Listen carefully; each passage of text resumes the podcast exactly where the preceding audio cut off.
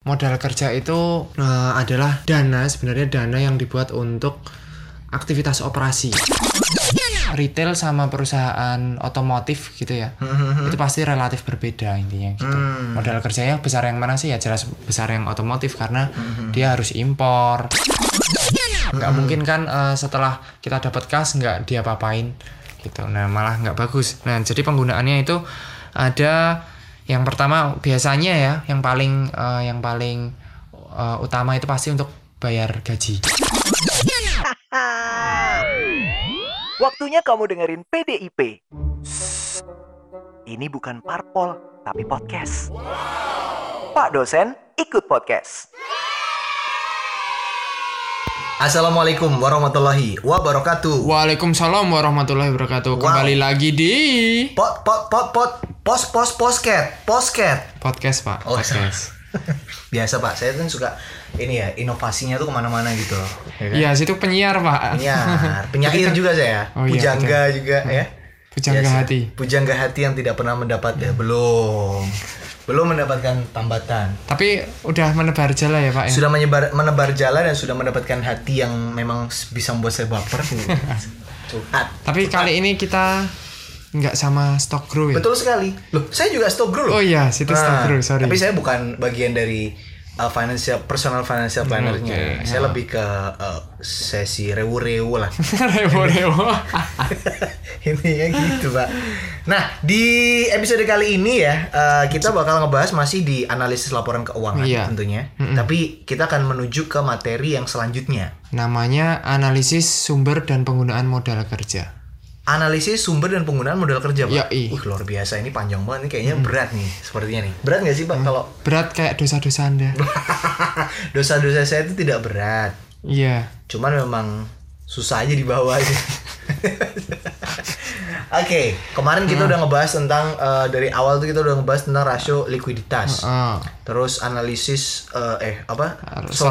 Solvabilitas, profitabilitas, aktivitas, aktivitas, nilai pasar, analisis nilai pasar Nah, dan sekarang, sekarang- ini adalah analisis sumber dan penggunaan modal kerja. sumber dan penggunaan modal kerja. Ini kalau Ya. misalkan mahasiswa-mahasiswa juga yang udah dapat modal digit eh modal digital lagi, modul digital ya kan? Ah. Itu pasti udah eh, inilah ya membaca sedikit-sedikit tentang Ya. eh, materi selanjutnya ini apa, Ya, cara iya. menghitungnya gimana Ya, atau iya. sekedar tahu aja lah. Meskipun belum praktek tapi sekedar tahu aja itu pasti udah dong ya kan apalagi Iya. mahasiswa-mahasiswa UPI akuntansi kan akuntansi UPI kan sangat ini eh, apa visioner. Wis. Saya yakin itu.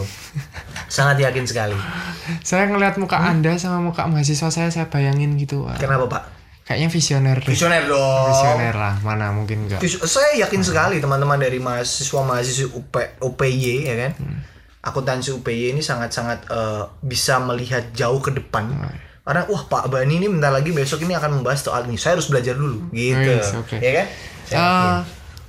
Anda ngomong kayak gitu kayak oratornya yang di tengah-tengah bundaran UGM, Pak. Saya sedih Pak. Banyak hoaxnya. Oke, em, kalau untuk analisis sumber dan Penggunaan modal kerja. penggunaan modal kerja ini Betul. eh, pengertiannya dulu nih pak secara Oke. harfiah harfiah apa nih pak kira-kira Oke, sebenarnya modal kerja. Modal kerja itu eh, adalah dana, sebenarnya dana yang dibuat untuk aktivitas operasi. hmm. Aktivitas operasi. Nah, modal kerja ini eh, ada dua sebenarnya. Ada dua. modal kerja kotor sama modal kerja bersih. bedanya apa itu pak Nah, modal kerja kotor itu adalah seluruh total aset lancar. seluruh total aset lancar itu ada di modal Itu adalah modal kerja. modal mo- Da- modal, modal kerja, kerja kotor, kotor. oke Iya. Modal. Mo molda molda. Modal. jangan Modal. jangan ingat Mel DP. apa itu Meliwi Nah, ponakannya siapa? siapa? Ponakannya Dewi Persik. Oh yang itu. Maaf Pak saya nggak update soal itu ya Maaf ya. Kita tahu lah ya Kalau mahasiswa-mahasiswa siapa yang lebih update soal itu lah ya. Saya nggak ngerti seriusan. Oke. Nah, modal kerja kotor. Yang kedua adalah modal kerja bersih. Itu adalah eh, jumlah atau Selisih selisih dari, dari total aset lancar Total aset lancar dengan Dengan utang lancar. Berarti aset eh, total aset lancar dikurangi utang lancar Iya, betul. Kalau gede utang lancarnya berarti minus gitu Pak Gimana? ya mending bangkrut aja perusahaannya. Oh gitu. Tapi ya. nggak bakalan minus kan Kenapa? karena Karena- total aset lancar kan eh, kas ut- misalnya utang lancarnya 10 juta pasti dapat tambahan kas juga 10 juta dong. Ah. Oh iya yang Gitu, pasti bakalan jadi minus. paling enggak tuh paling ini pasti besar aset lancarnya. uh, paling enggak imbang lah kalau kita nggak punya aset lancar kan otomatis Betul. punya duit kan itu juga bisa masuk aset Soalnya lancar. kan gini, kalau kita ngomongin modal kerja itu otomatis untuk aktivitas operasi. Nah, Ah, aktivitas operasinya itu sebenarnya buat apa aja sih? Ya pasti di situ ada kas, buat beli persediaannya lagi. Oh gitu. Setelah kita putar lagi, kita pasti dapat keuntungan kan? Oh, nah, bener, dapat bener, keuntungan bener, itu eh, bisa berupa jadi kas, piutang, kita beliin persediaan lagi dan lain sebagainya muter terus di situ. Oh. Gitu. Tapi ini kalau kita ngomongin tentang analisis uh, sumber dan apa tadi? Pe- Penggunaan modal kerja. Sumber dan penggunaan modal kerja itu tujuannya untuk apa sih Pak sebenarnya? Nah, sebenarnya gini, Heeh. eh, Kita modal tuh kerja apa gitu? Kita tuh ngitung eh, sebenarnya modal yang untuk dana sebenarnya kita ngomongin dana dana yang digunakan untuk aktivitas operasi itu mencukupi atau enggak sih? Oh gitu. iya mencukupi atau enggak. Nah dilihat dari wah, sebenarnya bisa kita lihat dari modal kerjanya karena eh, beberapa eh, beberapa ahli ya saya nggak bisa nyebutin satu persatu karena memang banyak sekali bahwasanya eh, modal kerja itu eh, selain untuk apa ya namanya untuk menambah umur atau Menambah going umur. concern sebenarnya karena kan kalau nggak ada modal kerja aktivitas operasi sebenarnya juga nggak bisa jalan juga gitu. Oh gitu Jadi eh, kita kenapa harus menganalisisnya ya karena eh, itu untuk melihat eh, sebenarnya target yang pertama Target. target aktivitas operasi misal penjualan Hmm, atau mungkin eh, target untuk pelunasan piutang. Nah itu Oh, dilihat bisa dilihat dari sumber eh, modal kerjanya juga. Oh gitu. Jadi bisa uh, mencari target-target perusahaan Iya. targetnya punya apa nih gitu. Ah, betul. Nah terus eh, sebenarnya juga bukan umur sih ya. Tadi saya ngomong umur tapi lebih ke going concernnya. Going concernnya. gitu. Oke, Karena kalau oke. misalnya eh, modal kerja itu dikit banget ya gimana caranya mau kalian beraktivitas, kalian mau beroperasi gitu. Tapi idealnya nih, eh, ngomongin tentang tadi analisis sumber dan penggunaan modal kerja Iya, gitu kan. iya. Idealnya itu eh, indikatornya seperti apa sih pak? ide sebenarnya nggak ada ada indikator, nggak ada ada indikator ya? standarnya. Tapi Ah. eh, yang diharapkan adalah kondisi modal kerja itu Hmm, adalah gap antara aset lancar dengan utang lancarnya itu harus tinggi sebenarnya gitu. Gap antara aset lancar dan utang lancar harus lancarnya tinggi ya. Sebenarnya, Hmm, itu sebenarnya. itu itu lebih efektif intinya Lebih kayak gitu efektif, ya, lebih iya. lebih oke lah, lebih Hmm, sehat lah dibanding. Heeh, benar lebih sehat. lihat. Jadi Hmm, mikirnya gini, kas yang ada itu nggak tiap eh, nggak harus 50. Misal gini, saya punya kas serat- sa- 100 juta lah ya. Hmm, Ternyata 20% untuk bayar utang. Oh gitu. Nah, gitu kan Eh, bandingin sama saya punya kas 100 juta tapi kita- eh, saya hanya punya utang ya mungkin bayar utangnya hanya 5%. Enak kan? Enak banget. Gitu. Ya sama kayak eh, di stock grow itu Hmm, hmm, hmm. kalau orang ngutang itu eh, pasti paying tapi kalau orang yang nggak punya utang pasti playing, Playing, betul. Luar biasa loh. Ini uh, filosofi dari Stock Group kita tetap bawa di sini ya. Mm, betul. Meskipun kita cuma berdua aja gitu dan saya juga uh, bagian dari Stock Group tapi bukan yang expert banget gitu. Saya juga cuman uh, apa ya nambah-nambahin aja rewo-rewo itu tadi ya kan. Cuman kalau di uh, gini, kalau kita ngomongin tentang analisis sumber dan penggunaan modal kerja, iya. gitu ya. Ini kan pasti kan ada perbedaan nih Pak antara perusahaan jasa dan juga perusahaan dagang nih. Iya, modal betul. kerjanya itu seperti apa sumber dan penggunaan modal kerjanya ini uh, pasti ada hal-hal yang berbeda di situ. Ada nggak sih pak? Bisa dibedakan bisa dijelaskan nggak sih perbedaan-perbedaan yang signifikan dari sebuah uh, analisis uh, sumber dan penggunaan modal kerja dari perusahaan dagang atau mungkin perusahaan jasa kayak gitu? Nah, iya. Eh, sebenarnya eh, kalau dilihat dari perusahaan jasa dan perusahaan dagang banyak sekali per- eh, perbedaan yang sangat-sangat signifikan. Ha, Kalau perusahaan jasa kan otomatis nggak punya persediaan ya. ya perusahaan jasa Jelas. ya persediaannya ya orang yang Ha, iya. jasa itu Oh, Kalau misalnya jasa keuangan ya. Kalau jasa keuangan pasti dia moneter. moneter betul Kalau misalnya eh, kayak Gojek itu pasti eh, kebanyakan ya memang di situ eh, lebih ba- banyak karyawannya daripada eh, persediaannya gitu. Karena dia eh, jasanya dia adalah eh, kayak antar jemput dan lain sebagainya gitu ya transportasi lah intinya nah di situ bisa dilihat eh, persentase di persediaan itu pasti be- lebih besar Oke. di situ. Nah, jadi eh, dilihat dari modal kerja perusahaan jasa dan perusahaan dagang pasti perusahaan dagang lebih besar modal kerjanya daripada perusahaan jasa. Perusahaan dagang pasti lebih besar Iya. daripada uh, Perusahaan jasa ya dilihat dari eh, persediaan itu tadi. hmm, Kas, lalu mungkin piutang. Itu pasti semua banyak eh, perusahaan dagang. Nah, bisa di bisa juga dilihat eh, sebenarnya modal kerja ini eh, keseriusan eh, dalam mengukur kinerja manajemen da kinerja manajemen maksudnya itu apakah mana kinerja eh, apakah manajemen ini benar-benar serius dalam apa ya manage, mengatur bukan atau me- mengatur Ya, sama aja manage dong. Iya, sorry. Eh, mengatur eh, bagaimana caranya supaya going concern atau kelangsungan hidup usaha tersebut, Hmm. usaha perusahaan tersebut itu nggak menurun lah intinya. Oh, gitu. Jadi eh, masih on the top lah intinya. Gitu. On the top. Intinya Iya. intinya bisa bisa dilihat uh, dari situ ya. Jadi apakah perusahaan ini uh, punya kemampuan untuk mengatur uh, internalnya Iya. atau untuk mengatur uh, itu tadi keuangan dan lain Iya, sebagainya itu melalui uh, si modal kerja itu Iya. tadi.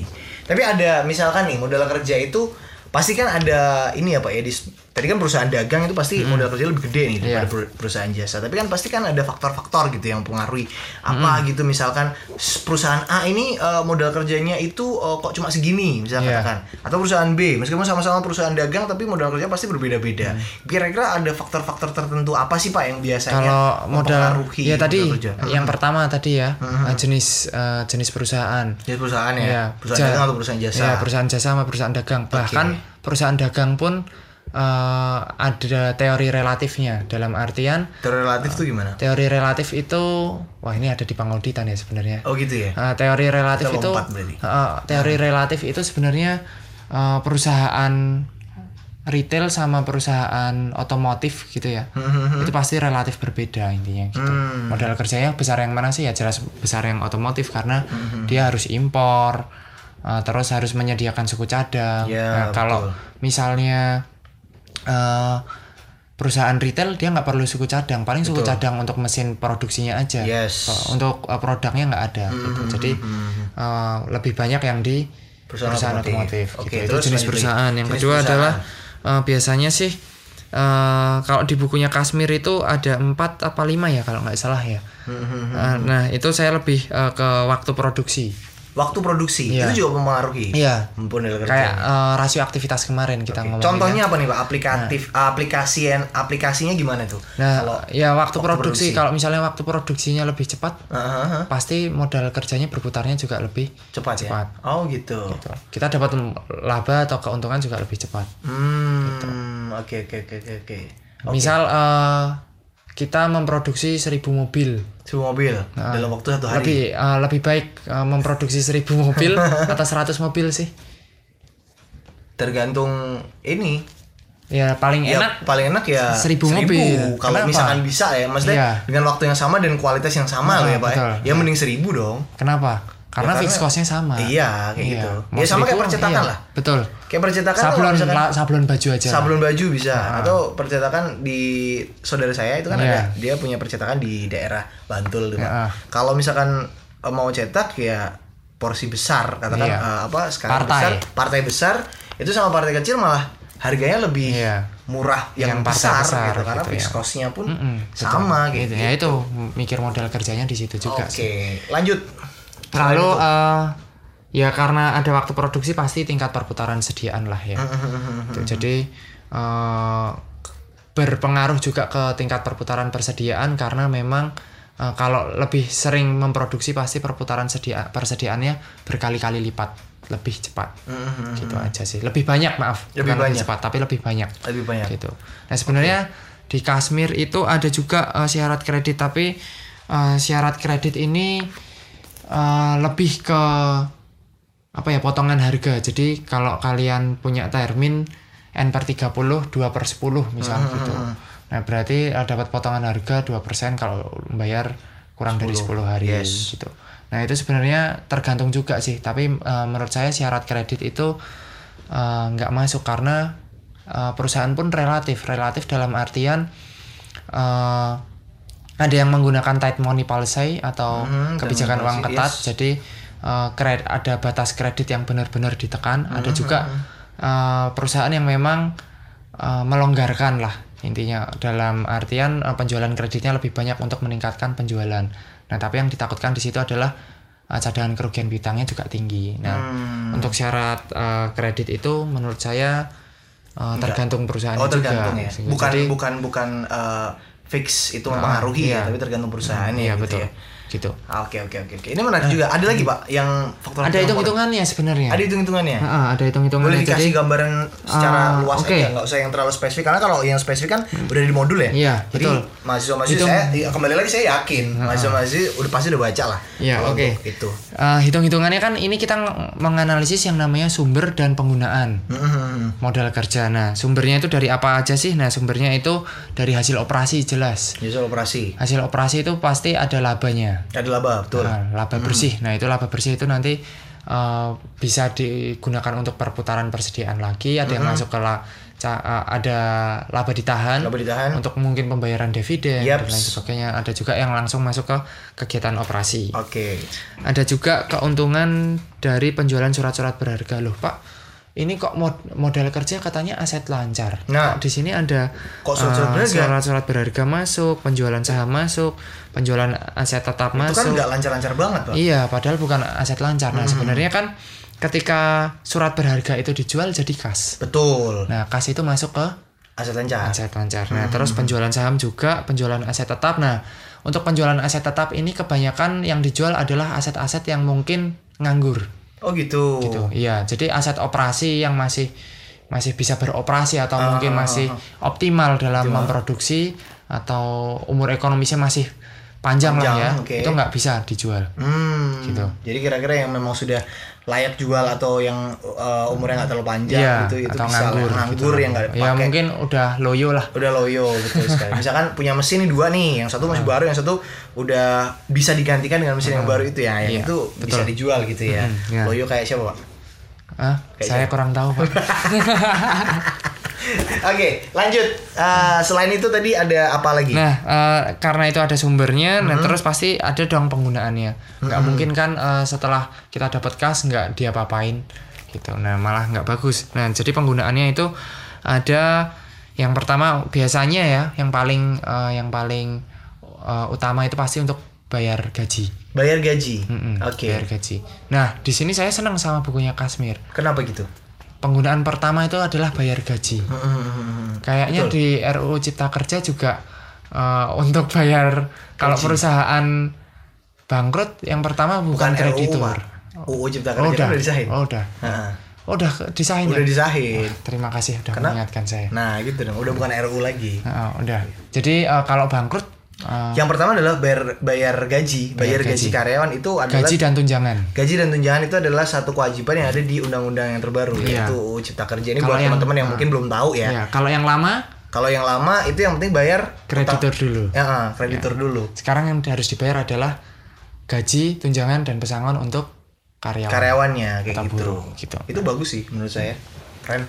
Dengan adanya kebijakan kayak gitu. Itu Oke, manusiawi nah. banget. Oke, lanjut. Pengeluaran yang pertama untuk gaji, yang kedua adalah eh, pastilah untuk kegiatan operasi pasti untuk eh, persediaan, untuk pembelian persediaan. Yes. Jadi ketika udah dapat laba tadi yang udah saya bilang Yap. eh, untuk aktivitas operasi lagi yaitu untuk membeli persediaan. Lalu yang ketiga adalah maintenance peralatan. Maintenance peralatan. Oke. Jelas. Eh, terus adalah pembelian aset tetap. Pembelian aset tetap.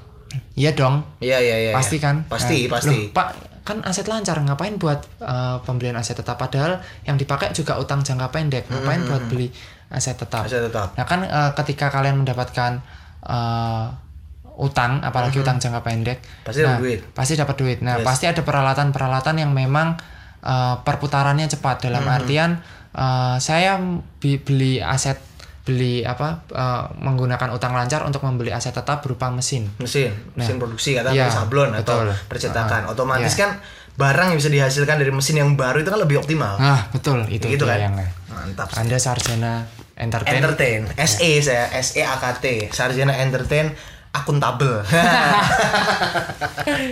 Sangat bisa dipercaya. Oke, lanjut. Oke, itu eh, lalu ada eh, pembelian atau penarikan kembali saham yang beredar. Oke, oke. Itu bisa karena memang eh, ya itu kebijakan juga sih ya sebenarnya. Kebijakan eh, mengurangi atau menambah saham itu sebenarnya relatif juga sih. Ada penggunaan lainnya juga. Ya, mungkin kayak eh, selain biaya maintenance itu juga ada training. Karena eh, sekarang itu perusahaan-perusahaan go public udah eh, sadar lah bahwasanya eh, karyawannya itu nggak hanya dimanfaatkan tenaganya aja, Oke. tapi dimanfaatkan juga untuk pikirannya. Untuk apa ya? Supaya dia bisa eh, nggak monoton kerjanya, dia juga lebih eh, upgrade lagi skillnya se- sehingga optimal dalam eh, bekerja. Nah, Yes. Cara menghitungnya sekarang Nah, gimana tuh Pak? Boleh lah dijelaskan cara secara- menghitungnya uh, secara- kita ngelihat uh, di sini kita ngelihat di sini kita Oke, ngelihat di ini. sini kita ngeliat apa nih, Pak? Uh, ada laporan keuangannya ya di situ uh, Yes. di posisi keuangan ya. Nah, kita membandingkan misal antara tahun 2005 sama 2006 itu pos-posnya naik atau turun nggak sih? Gitu. Nah, mungkin di kalau di bukunya Pak Kasmir ya, saya pakai bukunya Pak Kasmir itu ada di halaman 263. 263. Nah, ini saya buka buku nih. Oke, oke. Ya, 263 ya, buka buku ya karena perhitungan ya. Nah, di situ uh, ada naik sama turun. uh, aset lancarnya naik atau turun, aset tetapnya naik atau turun, utang lancarnya naik atau turun, utang jangka panjangnya dan ekuitasnya gimana. Nah, lalu uh, langkah berikutnya adalah uh, modal kerja itu apa sih tadi? Modal kerja bersih ya. Itu Iya. berarti aset lancar dikurangi, Dikurangi dengan utang lancar. utang lancar, betul. Berarti yang dimasukin di uh, tabel selanjutnya adalah komponen aset lancar dan komponen utang lancar. Nah, itu kita lihat di situ uh, tahun 2005 sama 2006. Nah, di situ uh, naik atau turun sih. Nah, pada saat di laporan posisi keuangan uh, misal ya uh, periode 2000 uh, di posisi keuangan itu kita baca utang dagang. Nah, utang dagang itu tahun 2005 ke tahun 2000 eh, misal tahun 2018 ke 2019. Nah, tahun 2018 itu utang dagangnya 100, tahun 2006 utang dagangnya jadi 200. Nah, kalau di posisi keuangan kan identifikasinya adalah naik ya. Oke. Dari 100 ke 200. Tapi ketika eh, ketika kita identifikasi ke modal kerja, itu eh, identifikasinya turun. Hmm. Kenapa turun ya karena uh, kita ya karena utang utang utang dagang atau utang lancar itu mengurangi kan sebenarnya. Nah jadi uh, ketika negatif bertemu dengan negatif Negatif? negatif bertemu dengan negatif pasti positif. Positif. Nah positif itu uh, mengakibatkan kalau misalnya utang dagang itu uh, naik pasti kita uh, melakukan penurunan yang penurunan modal kerja gitu Penurunan karena modal kerja. karena kas yang digunakan untuk membayar utang gitu. Nah, seperti itu. Jadi kalau utang utang diidentifikasikan di laporan posisi keuangan itu naik, itu pasti eh, pada saat masuk ke tabel modal kerja itu eh, di diidentifikasi turun. Yes. Itu karena modal kerjanya turun. Oke. Karena untuk membayar utang Oke. gitu. Nah nanti eh, setelah dibandingkan naik atau tu- naik sama turun, nah saya juga udah ada modul digitalnya, silakan dibaca nanti. Eh, di situ kalian bisa melihat apakah modal kerja itu naik atau turun. Apakah modal kerja itu naik atau turun? Di situ bisa bisa Iya. di ini ya, bisa dihitung ya dengan uh, case yang ada di Iya, modul digital juga ya. iya. Nah, terus eh, dilihatlah di situ modal kerjanya. Kalau lebih besar modal kerja yang naik, berarti selisihnya ada di modal kerja turun dong. Iya, Nah, betul. berarti itu eh, terjadi kenaikan modal kerja. Hmm. Nah, barulah kita analisis sebenarnya kenaikan modal kerja itu dari mana aja sih? Nah, kita lihat dari yang pertama adalah hasil operasi. Oke. Hasil operasi itu pertama pasti kita lihat labanya. Hmm, Gitu.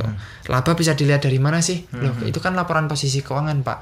Kalau cuman eh, kalau misalnya cuman informasinya laporan posisi keuangan, kita bisa ngelihat laba dari mana? Dari kenaikan laba ditahan. Hmm, Misalnya da- dari 1000 tahun 2018, 2019 jadi 2000. Berarti uh, laba perusahaan tersebut naik 1000 Naik seribu. gitu. Oke, Jadi oke. ambil 1000. Terus uh, penyusutan.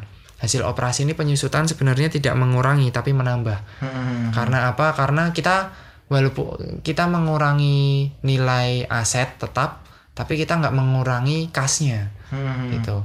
Jadi uh, kita nggak mengeluarkan kas intinya. Jadi Yes. itu tetap naik Hmm. bikin naik hasil operasi jadi laba dan penyusutan bertambah lalu ada penjualan saham Hmm. mungkin ya ada penjualan tanah juga dan lain sebagainya yang tadi saya bicarakan terus ada penggunaan mod eh, hasilnya jumlah modal kerja itu berapa eh, jumlah sumber modal kerja itu berapa Hmm. terus nanti kita kurangkan dengan penggunaan modal kerja Oke. Nah, hasilnya itu nanti harus sama dengan hasil yang ada di tabel modal kerja itu tadi Oke, selisihnya. Selisihnya ya harus sama ya.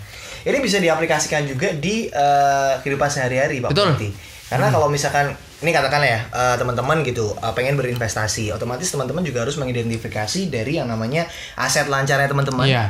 Dikurangi utang lancarnya teman-teman Hmm, kayak betul. gitu. Ini juga bisa diaplikasikan ke aku mau invest nih mau beli saham berapa lot katakan. Nah, Hmm. mampunya berapa nih? Nah, nantinya ketika sambil kita mengidentifikasi saham apa yang kita beli, itu nanti juga hasil dari pembelian saham atau pembelian uh, instrumen keuangan atau ke instrumen-instrumen uh, investasi yang lain itu hasilnya bisa mempengaruhi dari uh, pendapatannya teman-teman juga kayak gitu. Oke. Jadi bisa mempengaruhi juga antara selisih dari sumber dan juga uh, penggunaan modal kerja itu tadi. Hmm, betul. Begitu bukan, Pak? Betul, saya? betul. Luar biasa. Tinggal kuliah CFP aja.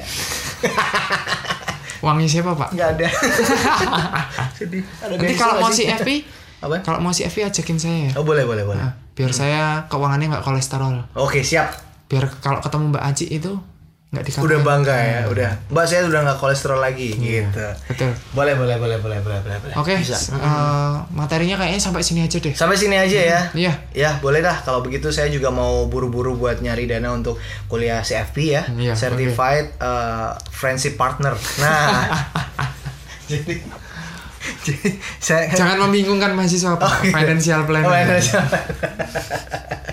Oke, yang jelas ini semoga uh, materi untuk hari ini bisa bermanfaat buat teman-teman. Amin, Jadi amin. silahkan dianalisis, dipraktekin sendiri karena sudah Ya. ada modul digitalnya. Jadi silahkan untuk bisa diaplikasikan secara mandiri ya. Jangan menunggu Betul. ada tugas baru buka itu modul digital terus habis itu baru dicoba dihitung gitu. Kalau pas lo dihitung aja, mumpung ada waktu banyak, Bro. Baca-baca dulu lah. Baca-baca dulu, coba-coba hitung, aplikasiin misalkan eh, teman-teman langsung nanya, "Mah, eh, pah gitu misalkan ya kan orang tuanya punya duit berapa sih gitu, punya utang berapa sih atau punya usaha apa?"